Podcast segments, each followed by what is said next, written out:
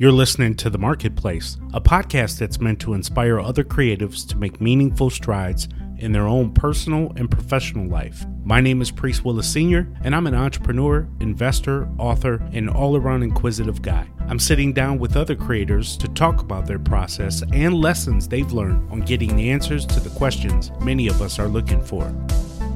Let's get ready to roll.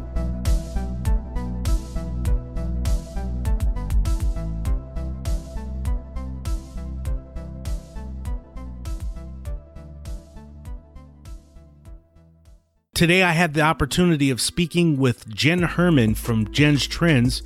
We discussed a lot of good things, great topics on what's new with Instagram and ways to grow your business with Instagram.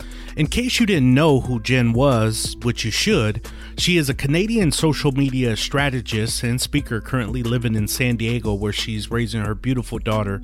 Jenn Herman has a unique perspective on business and success on social media which earned her the prestige of being on the list of top 10 social media blogs three years in a row 2014, 15, and 16. She's also the author of The Ultimate Beginner's Guide to Instagram and Stop Guessing. Both of them are available on our website, jennstrends.com. Right now, 65% of the world's top brands use Instagram, and Jenn says that number continues to grow. There are 200 million monthly active users on Instagram, 70% of which log in daily. This is a huge base of people for marketers to reach. So, Jenn begins to talk to us and help us better understand how to position Instagram for our business and be more genuine and personal about it. We had a great conversation, and hopefully that comes across to you. So, without further ado, here's my girl, Jenn Herman. Hey, Jenn, welcome to the program. Hey, I'm so excited to be here. Thanks for having me. Yeah, I'm excited to have you. I, you know, I mentioned this offline and I think it's worth saying online here that, you know, I've heard so many good things about you from so many different people.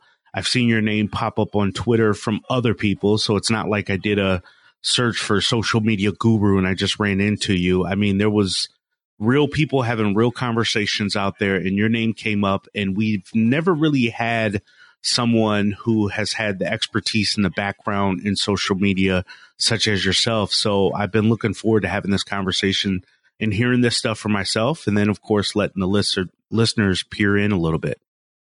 That's awesome. I'm excited. I'm like, when you, I know when you mentioned you haven't really had this kind of expertise, I'm like, oh, good. Like, you know, I get to share all of it with everybody. It's going to be amazing.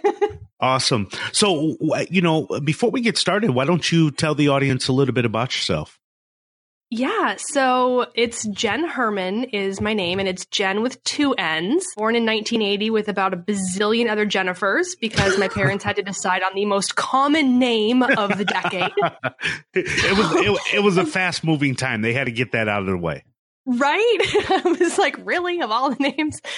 But so growing up, there was always like me and four or five other Jennifers in every class. So there was always some distinguishing, and I've always been Jenn with two N's. So everywhere you find me, uh, I'm either Jenn Herman or Jenn's Trends. Just always make sure you have the two N's in, in the Jenn. But I'm, I'm currently living in San Diego. I've been here now for about 15 years, and I am definitely a SoCal girl at heart, but I was born and raised in Canada. Uh, so I moved to California, of all things, to pursue my master's in forensic science. So I have an undergrad in biology. I moved here for a master's in forensic science, mm. and now I work in marketing and I teach Instagram and social media. So that's the long, that's the short version. Um, but you know, it's life happens, and I'm super grateful to be where I am. About six years ago, I started my blog, Jenn's Trends, as a hobby. It was just something that I wanted to do and share information with business owners on how they could use social media. And I had no strategy or plan. About three months after that, I attended Social Media Marketing World, not as an attendee, but as a party crasher because I couldn't afford the conference. But it was here in San Diego. So I, I showed up at the hotel and, and just party crashed for three days but I had my epiphany. I realized that's what I wanted to do and I wanted to speak and I wanted to teach and I wanted to work in this industry. And so I, I put an entire strategy together and I started focusing my blog with that in mind. And about three months after that, I finally jumped on this little bandwagon called Instagram. And in the process, fell in love with it for multiple reasons. I love the community behind it. I love photography, so it was a natural fit. But no one was really writing about how to use Instagram for marketing. There was lots of things about how to use Instagram, but not from a marketing perspective. And I had this little blog, so I started writing about it. Mm. And in the process became the world's forefront blogger on Instagram marketing. I've written hundreds of blog posts just about Instagram, let alone all the other social media topics I've, I've covered in the last six years. And I started getting interviewed as podcast guests. Um, I started speaking on stages. I actually ended up speaking at Social Media Marketing World two years after that first party crash, and I've spoke there every year since. Uh, so it's it's been an amazing journey for me. It's been something I've really enjoyed uh, exploring, and like I said, it's nothing I would have predicted for my life, but I'm I'm so happy with where I am and the things I get to do with with this industry. Yeah, definitely. You seem to be making an impact in the industry for sure, and I, I'm glad you're on because I've grown a bit cynical about Instagram myself, and maybe others have have as well. I mean, I've seen so many things come up or, or I should say posts come up where people are taking pictures of their Starbucks and they're saying grinding, hustling and where the sunlight is shining down on the, just their notebook and pen. And you, you're, you're looking at people like, Oh my God, they must be just so rich and doing so well. Help me understand first, why was Instagram created? So it's funny because I read a Time article. This was from 2016 where the co-creators of Instagram kind of made their first blurry post and we'll make sure to put that on the podcast page. so they're already yeah. they're already giving you a concept of social media because they're taking pictures of their food, their significant other and all this other stuff, but help us understand why was Instagram created to start with? So it was very much, it, it, was meant to be instant, hence the Instagram. Mm. And it was meant to be a real time exploration of people's lives. It was, it wasn't meant to be this heavily curated, heavily, you know, processed content.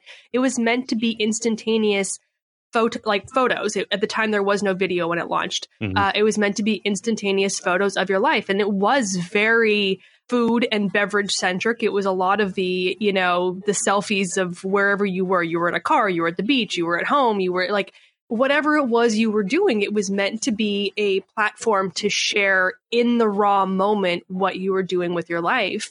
It forged this kind of underground community at first, I guess, where it really was highly interactive it allowed for unique sharing cap- or um, exploration capabilities to be found by new people much more easily than things like Facebook. And it was visual, unlike Twitter, which Twitter was huge at the time, but Twitter was really text based. So Instagram was the kind of, I always said it was the visual alternative to Twitter. So where Twitter was this fast moving text feed, Instagram was a fast moving photo feed. Mm-hmm.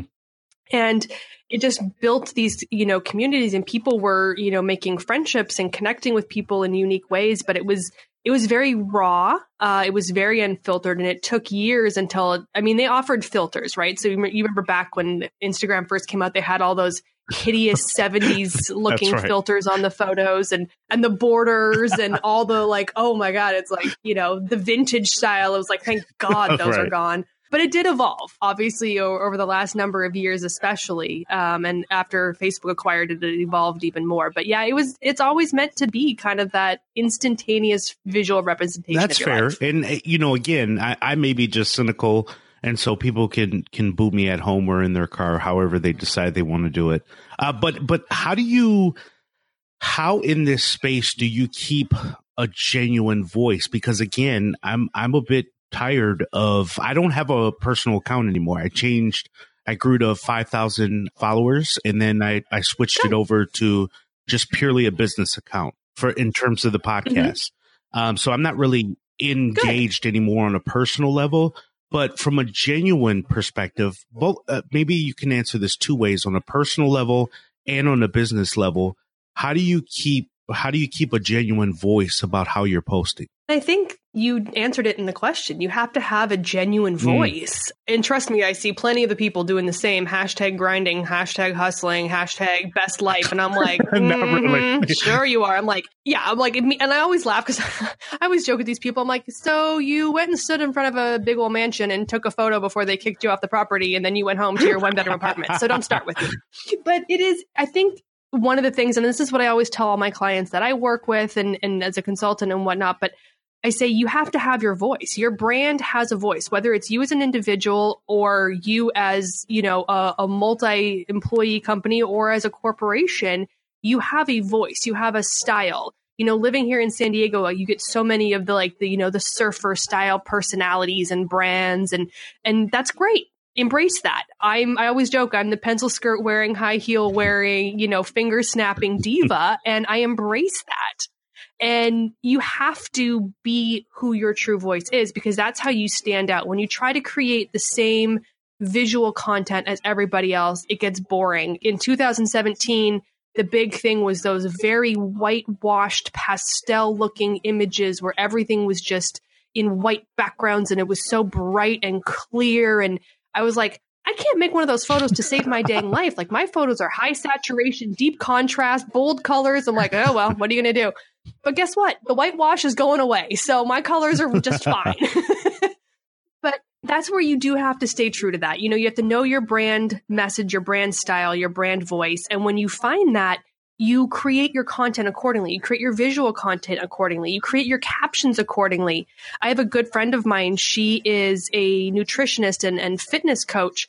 And she just has the best captions because when you read them, they're full of emojis and slang, and you can just hear her voice as you read that caption.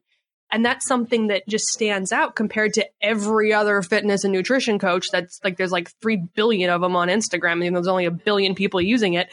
And it's it's just one of those things that it's such a, con- a concentrated space but she's found this way to stay true to her voice and her personality and her audience loves her for it. So whether that's taking photos a certain way, using certain filters. I always tell people to pick two or three filters that represent your aesthetic style and only use those filters. Don't go vintage in one photo and black and white in one photo and then, you know, deep contrast in the next photo and then washed out in the next one. Mm. Pick two or three that have a similar aesthetic and stay true to those. And then your content automatically begins to have this aesthetic appeal that subconsciously when people see it they recognize that style they recognize it as yours they're more likely to engage with it. When they see the caption and they hear your voice coming through that caption they're going to connect with it emotionally. They're more likely to engage and leave comments.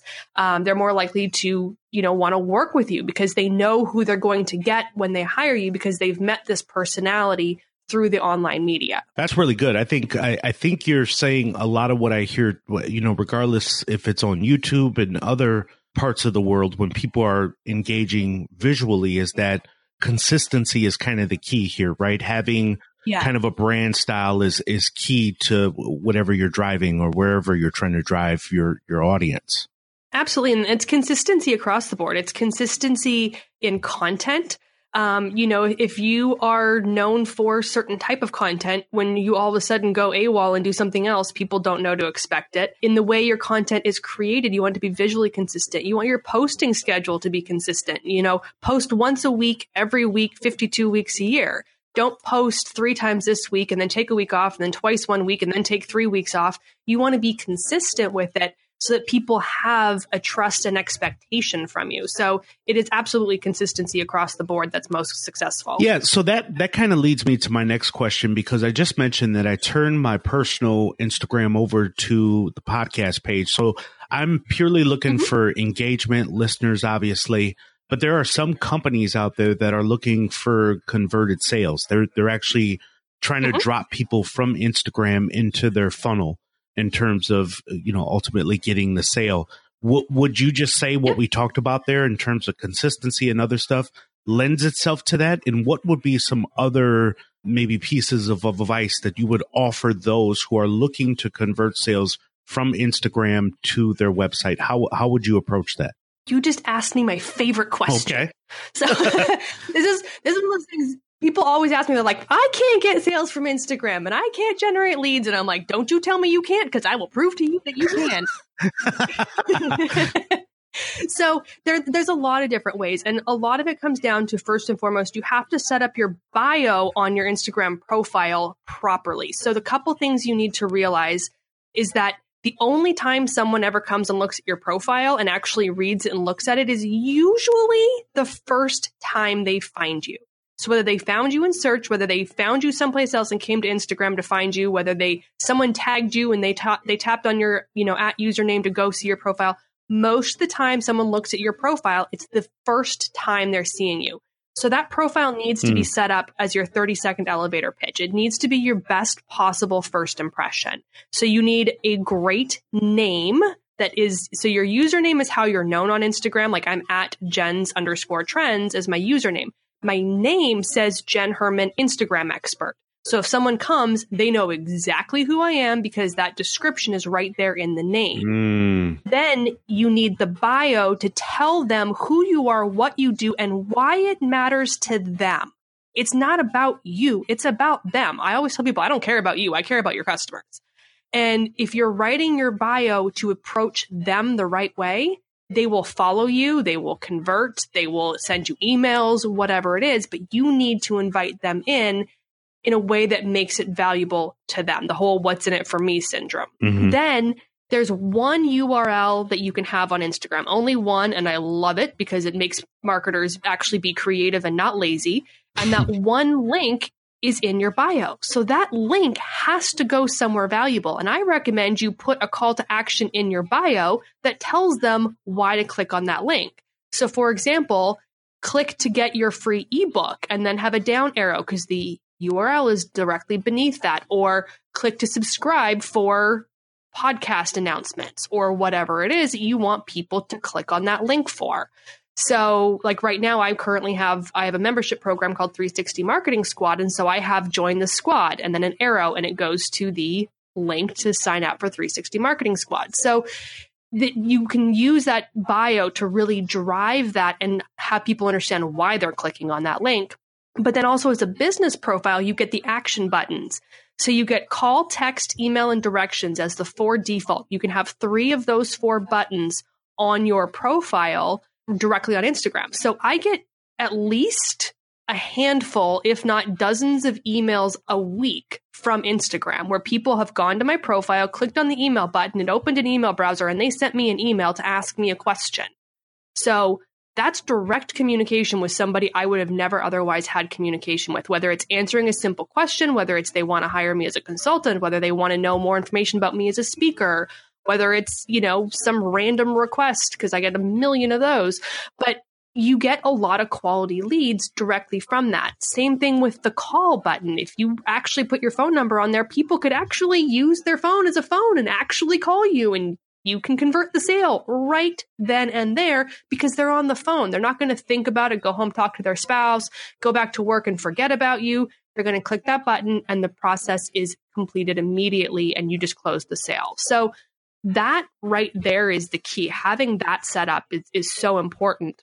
But additionally, you can have you know, if you're crafting your content properly within Instagram, and you, like, for example, whenever I have a new blog post, I take that blog post image, I put it on Instagram, I say a new blog post is live, I do a little blurb about what's in that blog post, and then I say very clearly and obviously, click on the link in my bio to read it. Mm. So then they go to my bio, they click on that link, where then they're now on my website. Now they're going to sign up for my newsletter. Now they're more likely to go look at more blog posts. I, you know, so I'm working on generating those leads and conversions through that process too. Uh, you can do the same thing if you wanted people to subscribe for your newsletter. You could say, you know, in a post, say, or, you know, if you want people to subscribe to the podcast, or if you want people to download your ebook or sign up for a webinar or whatever it is you want them to do, you have that great piece of content. You have a great caption that tells it tells them why it's valuable to them, not why it's valuable to you. And you say, click on the link in my bio to sign up, to register, to download, whatever it is. And boom, now they're in your email list because they've signed up. So there's lots of ways you can push this process through. You just have to be strategic and creative with how you put that information in front of your audience. A lot of us are trying to find an advantage in business. We're trying to build more content, some of us use blogs, social media sites. One avenue that's being used even more today is writing ebooks. There are people like myself who are out there writing ebooks, putting them out on Amazon. And I found a pretty cool tool called KDP Rocket that helps with book marketing research. This is a tool to help find best selling book ideas, profitable niches, and rank better in Amazon and select Kindle keywords. So get your book notice on Amazon by using KDP Rocket and share your results with me. Look in today's show notes, click on the link, and get started It's an inexpensive program, less than $100, and it's a small investment towards trying to build out different books that you're writing and promoting on Amazon. Again, pick up KDP Rocket, click on the link in today's show notes, and share your success. Now back to the show. So, Jenn, selfishly, I want to understand how to improve my Instagram page. So, what I vacillated between is right now maybe putting an image up of a guest. For mm-hmm. example, mm-hmm. you and I will be up on the next post, right? And then, um, mm-hmm. you know, I'll say, "Hey, check out my girl Jenn," blah blah blah, or I'll actually have the audio and say hashtag press play, you know, and listen to mm-hmm. I don't know two minutes or whatever it is of a piece of our conversation is there more that I should be doing? And again, this is purely as a podcaster or an interviewer. Mm-hmm. I know that the tactic may be a little bit different for those selling a widget, but is there something more I should be doing as a podcaster and for people to engage with my content that maybe just born the hell out of them would just purely press play or an image and say, go yeah. here? So the thing is, the content we want people to react to is usually the content they're least likely to react to. So you want them to, you know, watch that little video, which would be an audio clip of this recording, um, or you know, you want them to see the photo of it, and then they're going to go, "Oh yeah, I want to go listen to this recording." But the reality is, most of your audience may not know who I am. So if they see my photo, they're going to scroll right past it because it's irrelevant to them. Mm. So they but they recognize your face and your branding so it's better off to have an image of you if it was you and me then that's better because now it's if they recognize me and you then it's it's a double whammy but at least if there's photo of you in there they're likely to know the moment they see it in their feed that it's coming from you and they're more likely to trust it mm-hmm. But even then, those tend to be very graphic type images. So you're going to have an image and you're going to have, you know, some a bold border and some text and your photo and my photo. And those types of graphic type images don't usually perform well on Instagram. So you're better off having in general, and again, every audience is different. And this is something where, you know, when I work with clients, I actually go in and look at their individual accounts. And we do a bunch of analytics and figure out what's really working for them. But if in general, people want to see pretty photos. So if you've got photos of your, you know, your podcast studio setup, if you've got photos you know, from when you go to events and venues and when you're doing live interviews, or if you have some good Photoshop skills and you can make it look like you and I are actually in a physical place together and it's not just, you know, two standard kind of, you know, headshot photos, mm. things like that. But that's even just for, you know, that one podcast. You need to be creating content in between. And that's where you really want to think about what is the, you know, the brand message for your podcast and to the business owners. What's of value to them? So you could do like a hashtag tuesday tip where you share a tip. So you have a great image um, you could maybe put a little bit of text on it or something that says Tuesday tip, but a, a, great simple image. And then you would do your caption would say something like Tuesday tip, and you're going to give them different business tips and different recommendations or things that you've read in an article or things like that, where you're constantly giving them something of value. You're not self promoting the podcast. You're not self promoting a guest. You're not self promoting yourself. You're just straight up giving them value because a podcast listener is most likely looking to you for education. Not a ton of entertainment, not a ton of randomness. They're coming to you because they want to learn. So you want to translate that into your content strategy where you're giving them knowledge outside of the normal, just everyday podcasts. But then you could even turn around and be like, you know, you've interviewed all these guests. You could take little snippets and clips from each of those.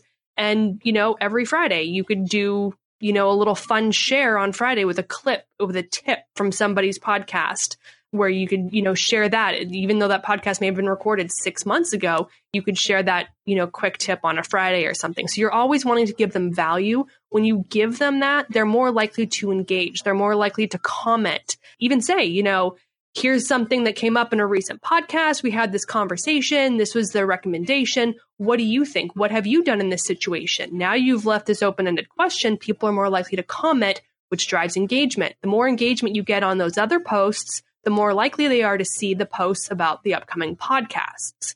So actually helps the podcast announcement post because they're engaging with all the other non-podcast related content, which keeps your engagement up. Yeah, th- this is this is really good because a lot of it I I haven't done, and I've worked with multiple different people on kind of my social media, social media strategy, and sometimes you'll find some good and bad. And this this kind of leads me to a point here which which can't be overlooked.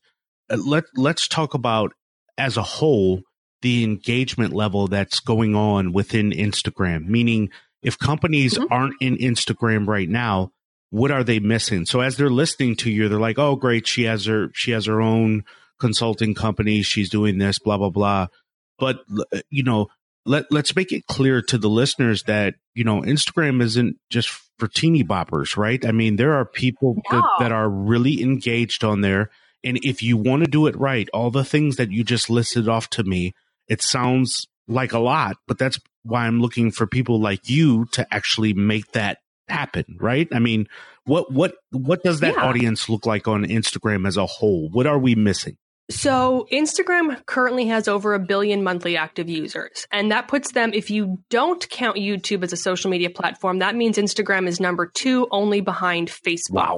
If you count YouTube, then Instagram is number three.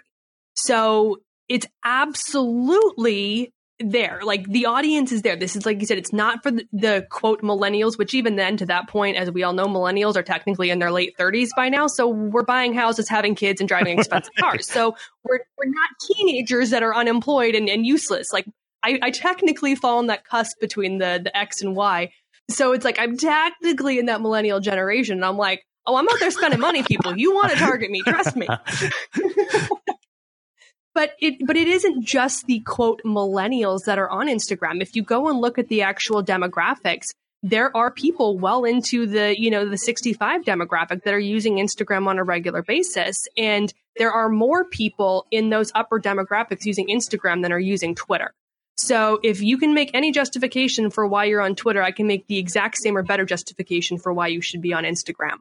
Now, that being said, that doesn't mean that everyone should be on Instagram. Right it has to be right for your business. And to your point, it can be a lot of work. Any social media done well is a lot of work. And if you are a small business owner and you're doing all of it yourself, you know, and if you only have 20 extra minutes a day, you're not going to see, you know, 100,000 followers and massive revenue in a short period of time coming from Instagram. Like that's just never going to happen with that kind of time commitment, especially if you're a small business. It's just unrealistic. But if you make a commitment to it just like you would commit to your Facebook, your Twitter, your Pinterest, you know, whatever your your LinkedIn, whatever else it is you're doing, you can absolutely see results, but it has to be for the right reasons as well. Like your audience, I can promise you is on there. I mean, I trust me, I've seen the most random of, of successful accounts on Instagram, which are things, you know, people always give me, you know, oh, well, a mortuary would never succeed on Instagram. I'm like, yeah, they could do it. Like I, I, I can see how they could do it, and I, have examples. But it, that's the thing. Like anybody can do it, but if your audience isn't there, if you're not using it in the right way, and it's not going to help your business, then no, don't invest that time. Instead, go put that on Facebook or on LinkedIn or wherever it's going to benefit you more. But it's absolutely something that, you know, I think people need to understand Instagram is a visual platform. It's not Facebook. It's not Twitter. It's not LinkedIn. It's not link dropping. It, it is a visual component. And if you're not good at creating visual content, you're going to struggle a lot more than other businesses. But if you can do it well, Instagram has the highest engagement rates of any other platform. The average engagement on Instagram is about 3%, mm. which sounds really low. But average Instagram or average engagement on Facebook is less than 1%, and average engagement on Twitter is less than a fraction of a percent. So to get 3% engagement is exponentially higher than what you would get on other platforms. So the engagement is there, which is, you know, it's a good endorphin rush to feel like people see your content and like it. But the other reason, and I mentioned there's only that one clickable link on Instagram, which is that link in the bio. And the thing is, when people go through the the loopholes where they're like, okay, so they saw your photo, they wa- they read the the caption, they clicked on the link in the bio, they clicked on, you know, they got to the link, they got to your website. They've already taken three or four steps to be there, which means your bounce rate from Instagram is essentially zero. Mm. It means you are getting conversions from that traffic. People are coming to your website to listen to that podcast, to read that blog post, to buy that product, to download that ebook, whatever it is you're doing, they're converting. So to me, I would rather have that quality of content or of traffic versus the just the the plain quantity, um, where you get you know Facebook and LinkedIn and Twitter, you get all the junk traffic, so you get a much higher bounce rate. And I should also point out because a lot of people freak out when they go look at their Google Analytics on their website. Traffic from Instagram is generally not tracked by Google Analytics. The way the Instagram app is built as a mobile app, when someone clicks on that link, it opens a fresh new browser, which means if they're going to your website, that's considered direct traffic, not referral traffic. So if you look at your Google Analytics and it says you had two people come to you from Instagram, that's because two people clicked on it from the Instagram.com website, most likely on a desktop. Mm, got it. It does not mean it came from the mobile app. So you may actually be getting hundreds of website visits a month, and your Google Analytics say you're getting two. And I know this because this happens to me every single month. But if you go, if you are a business profile on Instagram, it will show you how many website clicks you got in your insights. You can also use something like a Bitly or other link shortener that allows you to track clicks. So that way you can see how many clicks you really did get on that link. Um, and you'll get much better analytics because a lot of times people come to me and they go, I get no traffic from Instagram. I have, you know, five people a month that click on the link. And I'm like, well, are you looking at your Google Analytics? And they say, yeah. And I said, okay, let's run a Bitly for a month and let's see how much traffic you're really getting. And they're getting hundreds of clicks and they're shocked because here they were thinking Instagram didn't work for them but really it is. Mm-hmm. and they're like, oh, my bad. So there, there's a lot of things that kind of like little nuances that go into really grasping Instagram to, to build that business component. But when you put that effort into it, and when you realize the quality of traffic that you're going to get as a result and know that you're going to get conversions from it, it's absolutely worth that commitment of time. Yeah, yeah. And talking about the quality of traffic and, and the conversion within itself, you say that it's low single digits. I think you mentioned 3% or something along that those lines. Mm-hmm. But first of all, the, the key there is that it's a quality 3%, which is much different than getting 30%. But, you know, whoever is actually wants to be on there landed by accident or whatever the case may have been, or just some junk traffic in general. But uh, do you think it's it's low and then even lower on Twitter and Facebook just because it's it's like I mean, people are just hit every day with information on Twitter and and mm-hmm. Instagram that you can only consume so much within a, a short period of time. So that that's yep. kind of, kind of why you know we talked about having that genuine voice earlier, right? Because I mean, yep. the more you look like everybody else, it just looks like a part of a a feed. And that's just it. And and you know, Twitter moves super fast. The chances of people seeing your tweets are are much lower in terms of, you know, exposure than Facebook, LinkedIn, or Instagram, and even Facebook. Facebook deliberately hides content from you. Their algorithm is programmed to hide content and only show you the content they think is relevant because there's just so much content out there that they can't mm. possibly show you every piece of content of every person, every page, and everything you follow on Facebook. Instagram doesn't hide anything. They do sort the content in an algorithmic priority but nothing is hidden. So technically, if people scroll far enough back, they will still see every piece of content uploaded by every single account they follow. So there alone, you have a better chance of people seeing your content. But again, because people on Facebook tend to be scrolling and it's so much text and they they kind of like maybe stop and watch a video or they stop and see something from a friend it's it's much more mindless scrolling on those kinds of things Instagram, you're, you're looking at photos. So you're processing that, that recognition of that content in a split second versus scrolling over somebody's long winded paragraph on Facebook where you don't even really read it and you just kind of keep going. So you, again, if you have a great photo that's going to capture their attention, they're more likely to double tap to like it, to stop and read the caption and generate that engagement. So just the way the platform is built, it's meant to generate more engagement just on those, you know, logistical factors, let alone the fact that again, it's visual and people on Instagram are highly active. I mean, I know like I, I joke all the time, I'm a total lurker on Facebook because you know the moment you like something on Facebook, all your friends are gonna see that you liked that piece of content. So like I never like anything political. I may click on the article and read it, but I will never like or engage with anything political because I'm not opening that can of worms. right. Same on Twitter. But on Facebook, yep. but on Instagram, yep. that yep. doesn't exactly. really matter. But What about Magic Mike? Right. Would you like Magic Mike? Is that right? Is that maybe? It was like, oh, did I post I went to that movie? My bad. but it, but on Instagram, you get you know people are expected to like and it's there isn't the the you know the the grand gesture of oh so and so liked this piece of content it's like people just go through and like so just by that you know virtue alone you're going to get more engagement on instagram there's just so many ways that platform is built to generate that higher level of likes comments you know whether it's clicking through to the bio and, and all that sort of stuff do we know yet on what is actually more engaging? You know, take brand, everything else aside. Do people want to see videos more or images? So it really comes down to your audience because if your audience is conditioned to watch video, then videos will outperform photos. But in general, photos always outperform videos on Instagram. It's still a photo based platform. Users are still conditioned mm. to photos. It's one of those things where, again, because it's a fast moving feed, we see the photo and we're usually in the middle of a scroll. So to stop and wait for the video to play, because it technically auto plays, but it has that like half a second delay, which if people don't mm-hmm. realize it's a video and it doesn't play immediately, they tend to just kind of keep on scrolling because they think it's a photo anyways. So photos will mm-hmm. generally outperform videos no matter what anyone tries to do to get videos to be successful on, on Instagram.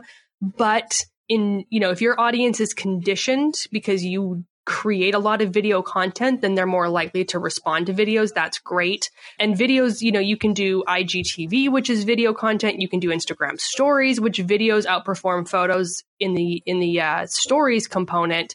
And obviously on all other social media, video is huge. So I wouldn't neglect the video, um, but just be, you know, aware of where you're putting it in terms of your Instagram content. Mm.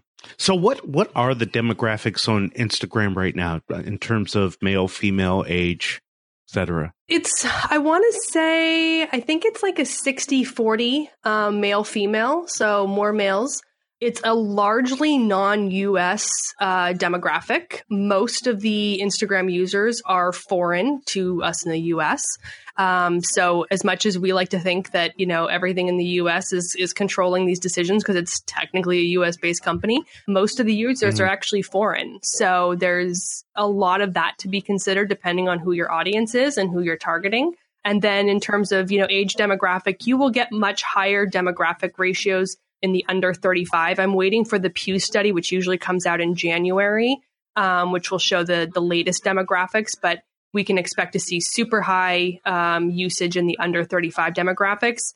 And then in like the kind of 35 to 55, we usually see something in about the 25, you know, percent range. Um, and then over that, we'll mm-hmm. probably go down to like maybe the the 15% range. But again, I don't know what the the January statistics will show this this coming January. So I'll be interested to see those. Yeah. So despite demographics, despite how large the audience is, that you know, and you've brought this back a couple of times, it just depends on your brand, who you are, what you're portraying.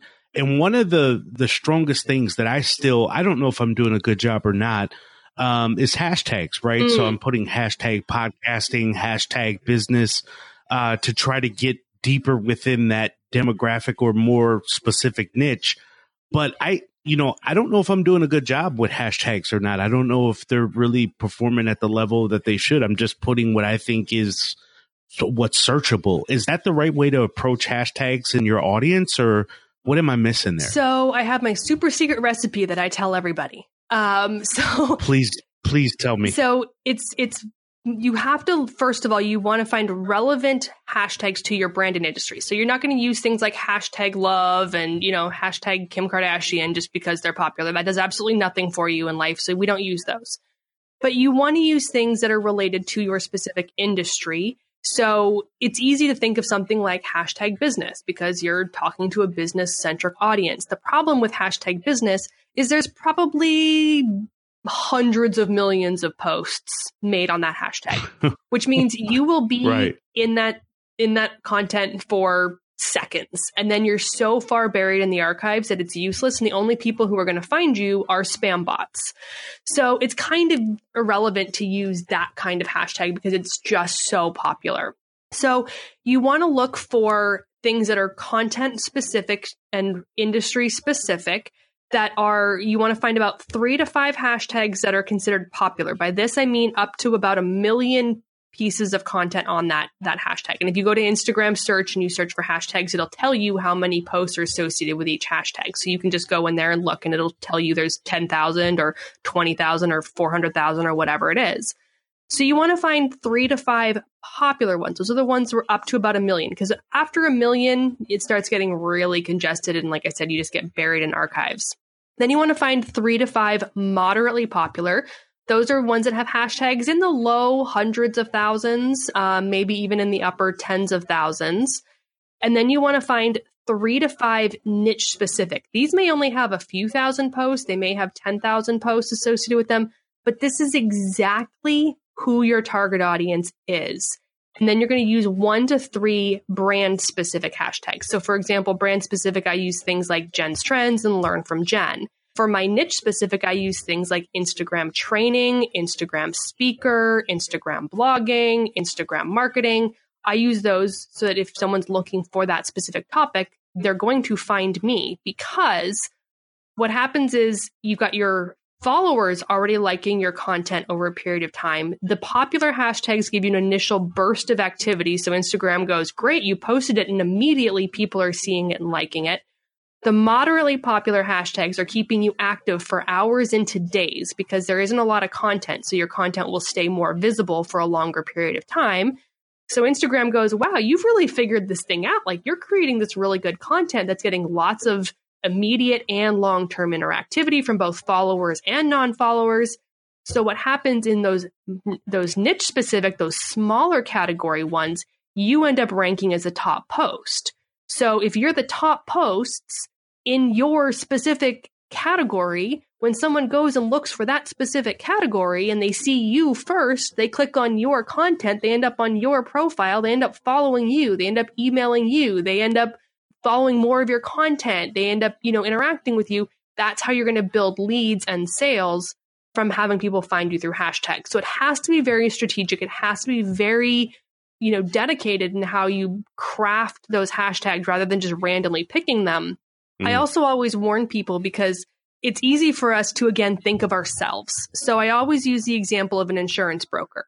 And yes, insurance brokers can use Instagram. But if you're an insurance broker, you're going to think I'm going to use hashtag insurance and hashtag insurance broker and hashtag car insurance because that's what you do.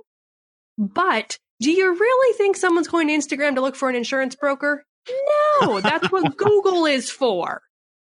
But right. If you sell car insurance, your audience is buying cars.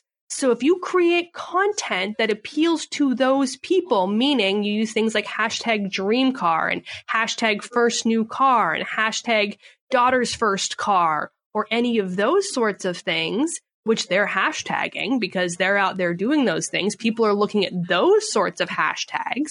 Then in among that content, they're finding your content about car insurance.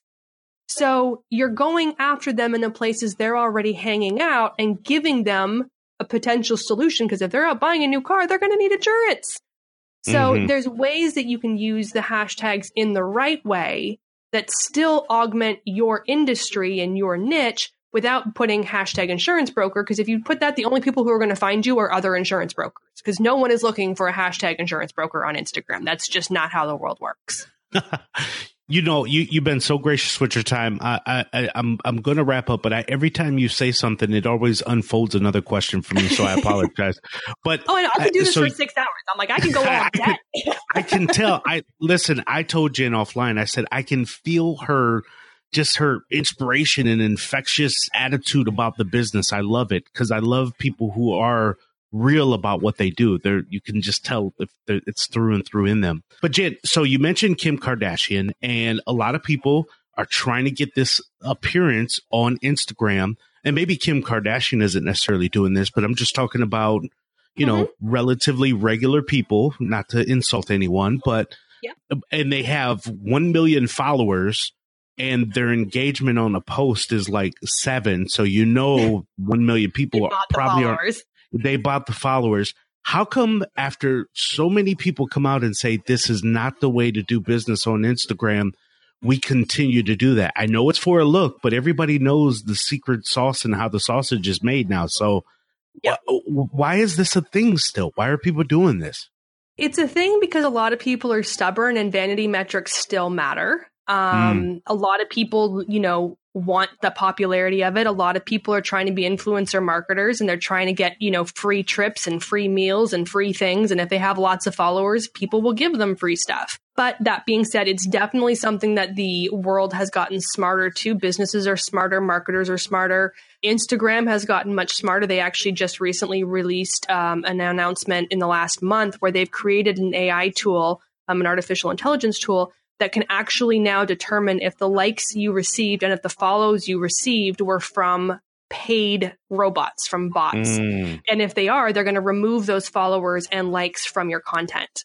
So that if you are out there buying engagement, whether it's in the form of followers or in the terms of likes on your content, uh, if it's determined that came from an automated source, then Instagram's just going to immediately delete those from your your content. So they're they're making big moves to minimize this. They've been trying to combat this for years because it's been prevalent.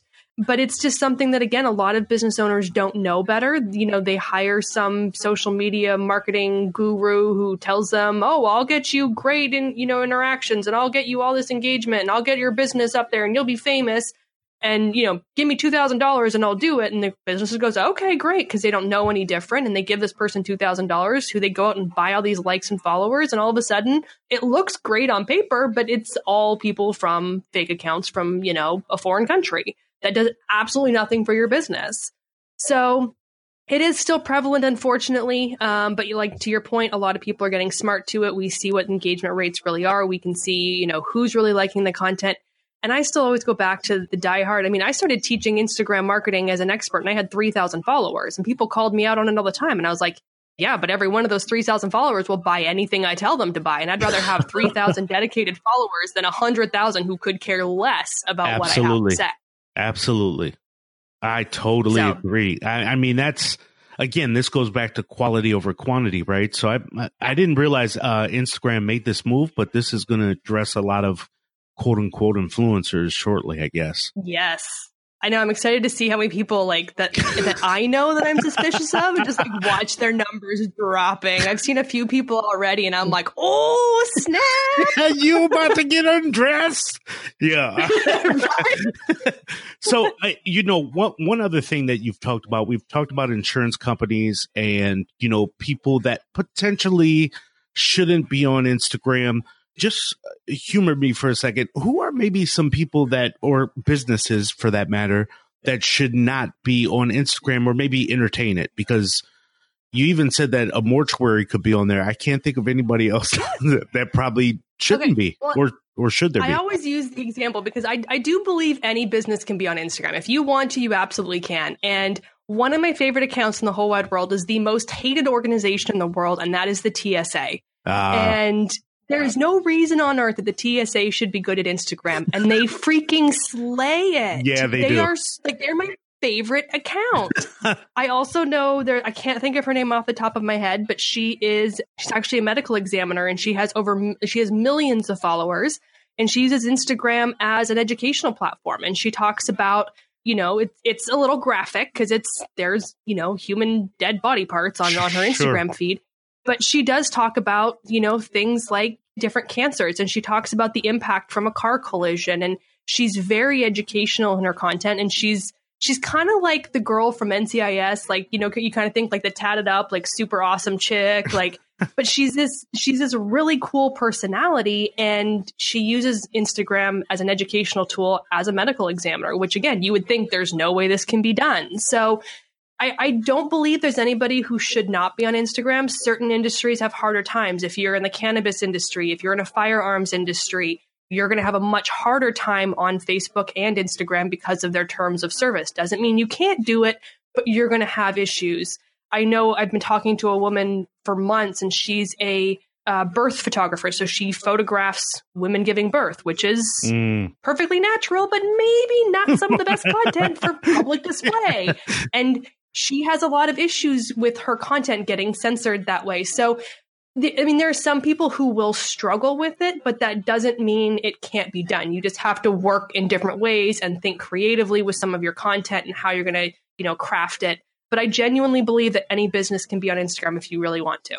Man, Jenn, you you are so awesome. I'm I'm I'm so excited to have you on. I mean, this has really meant a lot for me in terms of the information. I'm sure the listeners are going to get some good stuff from this. You you know your stuff. I'm so excited. Listen, if people want to work with you or they want to reach out to you, they want to follow up, how can they connect with you? I imagine Instagram is one way, but feel free to share your site, your Twitter, whatever you want.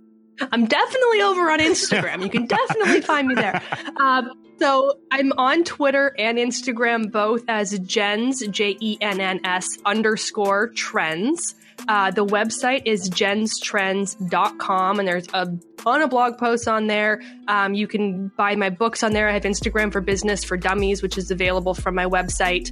And then I also have a Facebook group called Jenn's Trends in Social Media, which is not just about Instagram, it's for all social media questions and needs.